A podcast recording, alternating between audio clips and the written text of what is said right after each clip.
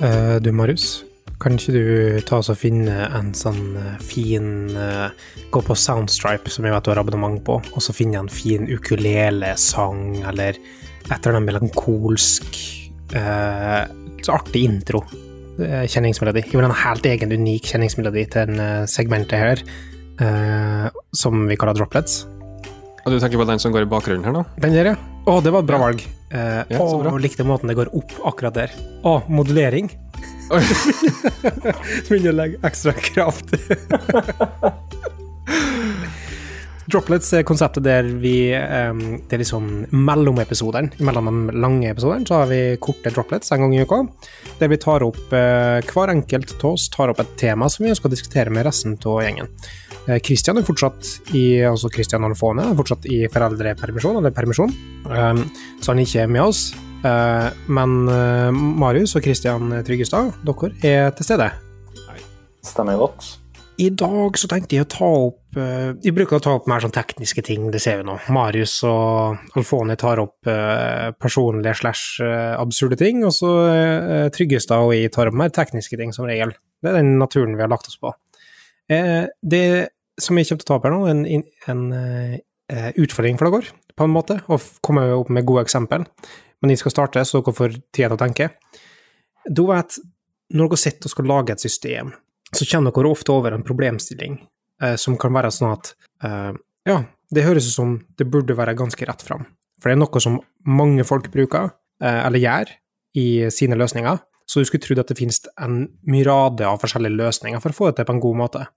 Og så eh, har du diskusjoner med enten det er en, en produkteier, prosjektleder, designer eller et eller annet, og så tenker jeg at ja, nei, vi er ikke helt sikre, men jeg antar at det skal gå ganske fint, for det finnes mange eksempler på folk som gjør det fra før av. Og så setter jeg ned og skal implementere det, og så bare viser det seg at å nei, det her er dritvanskelig å få til. Uh, Sjøl om igjen, det er mange andre som gjør det, så er det kjempevanskelig, og av og til faktisk ikke mulig å få til på en god måte. Uh, så det jeg tenkte å snakke om nå, som nå må dere begynne å tenke, hva slags situasjon var dere møtte det tilfellet sist, uh, og hva var det? Så jeg kan starte med det. Uh, og det er en sånn absurditet, syns jeg, når du sitter og lager eh, mobilapplikasjoner. Uh, og dette gjelder både native og det gjelder uh, eh, kryssplattformløsninger som, som bygges opp på native. En ting som folk bruker til det daglige, uansett hva det skal være, i alle slags apper og formål, det er emojis.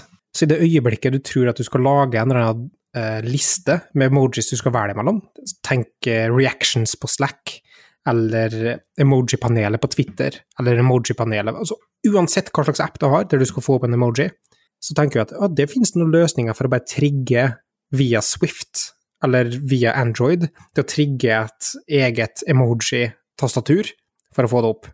Og så bare begynner du å skal implementere det. Nei, det finnes ikke det.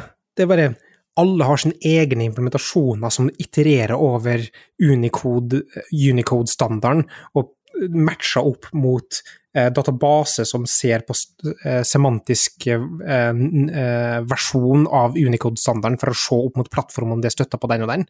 Så det er en sånn manuell håndtering på det. Det finnes teoretisk sett muligheter for å trigge fram et utelukkende emoji-panel på, på via Swift, men egentlig i praktiske formål ikke. Og det er bare i, Swift eh, 13 og oppover, eller hva det er for noe. Og så begynner du å tenke over det, og ser overalt, så ser du at det er forskjellige måter å håndtere reactions på bestandig. Så hvis du ser over på Slack, så ser du at du skal ta en uh, reaction uh, og velge en emoji, så henger ofte dem etter. Selv om iPhonen din har kommet med nye emojier, så er ikke de tilgjengelige på Slack. Og det er nettopp på grunn av det, da. Fordi at de manuelt må inn og si, og rulle ut en ny versjon om at de her emojiene i det segmentet her til Unicode er emojier som er støtta på den plattformen her. Er ikke det rart? Det er ganske snodig. Er ikke det rart, Christian? Jo da, det høres eh, veldig rart ut. Må innrømme at en, en god del av hjernekapasiteten min gikk vekk til å finne ut hva, hva, hva jeg skal ta opp. da. men, men skjønner jo på en måte liksom, situasjonen som jeg har vært ute for, da. Det at noe som tilsynelatende skulle egentlig på overflata være ganske enkelt, fordi at mange andre bruker det, og så begynner du å sette ned med det, og så er det bestandig vanskeligere enn du er. Det er mange forskjellige sånne eksempel på eh, i, i mobilverdenen òg, sånn sorterbare lister, eksempel. Tydeligvis dritkomplekst å få til på en god måte. eh, eller emojier, eh, osv. Eh, har, du- har du kommet fram til noe eksempel? Ja, altså, jeg har jo Jeg skal være så ærlig å si at jeg brukte majoriteten av min hjernekapasitet til å faktisk høre på det du sa. Eh, så, så nå må jeg bare gå for det første som datt inn i hodet mitt. Eh, og det er et problem, eller ikke et problem, men en utfordring, uh, som jeg sitter med akkurat nå.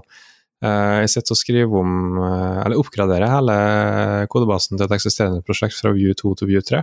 Noe som i utgangspunktet skal gå relativt greit. Jeg tenkte at det ikke kom til å ta særlig lang tid. Men så oppdaga man jo at Eller man oppdaga ikke, for jeg visste det fra før av. Vi bruker VueX.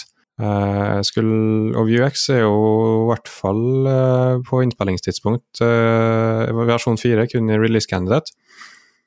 Og så bruker vi opprinnelig VueX3, som igjen bruker en plug-in med peer dependency til VueX3. Så når jeg da skal bruke den plug-in til VueX4, eh, så funker ikke det.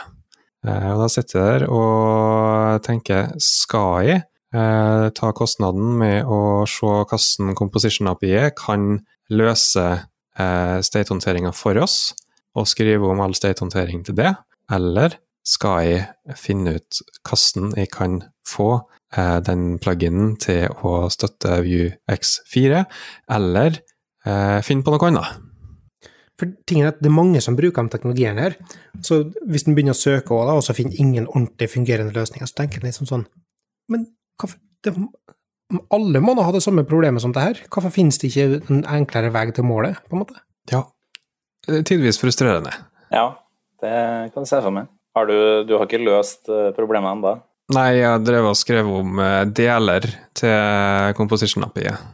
Eh, men så er det en litt større del som jeg egentlig ikke har lyst til å ta i. For at jeg, det var ikke jeg som dro inn den pluggen i utgangspunktet, og jeg skal ærlig si at jeg skjønner ikke helt hva den gjør, og hvordan den funker. Eh, så hvis vi plutselig begynner å skal implementere det uh, sjøl, så kan man fort sitte med skjegget fullt av postkasser. Ja. Jeg må jo innrømme at i, i disse tilfellene der så har jeg eh, i det siste brukt Yarn. Og Yarn har eh, et konsept om resolutions, der du kan på en måte force eh, force en spesifikk versjon av en pakke. Da. Så da kan du override. Selv om den der pluggen din langt der nede har lyst til å bruke Vuex versjon 3, så kan du si at nei, du skal bruke nummer 4. Men det funker kun hvis API er kompatible, sant? Ja, ja. ja du, du Mm. beveger deg ut på et eh, minefelt, men eh, du er nå klar over det, da, i hvert fall. Ja. Og så er det kanskje billigere enn å, å drive og skrive om hele greia, eller sitte og vente på at det skal ordne seg. Eller Mm. vente med å oppgradere til alt har stabilisert seg. Nei, nei, nei. nei. ok. det går ikke sånn. Uh, Tryggestad, Kristian, den eneste Ja. Kristian her. Ja. Har det kommet på noe eksempel? Uh, ja. Um, noe av det siste jeg på en måte har krangla med, eh, og som jeg har krangla med ganske mange ganger før, er autentisering. Det er jo en ting man tenker at eh, det må jo alle ha. Ja, det er jo helt enig. Ja, så det burde jo bare ha vært løst på en enkel måte. Men uh, det er ikke så enkelt, altså. Tydeligvis ingen som gjør det likt. Nei. Og så um, Ja, nå eh, de siste par årene så har det jo dukka opp mange flotte sånne cloud providers som Auth0 og um, AVS har Cognito og Firebase Authentication. Ja, og Asher har um, Asher B2C, for eksempel. Men det å customize disse greiene der til, til behovet til, til min kunde, da, eller mitt prosjekt, det viser seg at det er ikke så lett. Um, og det er alltid det produktet som koster mest penger, som, um, som er på en måte mest konfigurerbart, da. Auth0. Eh, Ja. Svindyrt. ja. Så, så der har du mine problemer, altså. Uh, Ja, au- autentisering, autorisasjon, det er ja, eh, Du bestandig tenker Det her har nå folk gjort dem i alle de år, det skal nå være et løst problem. Men så er det tydeligvis ingen som løser det på samme måte. nei. Er det ikke rart?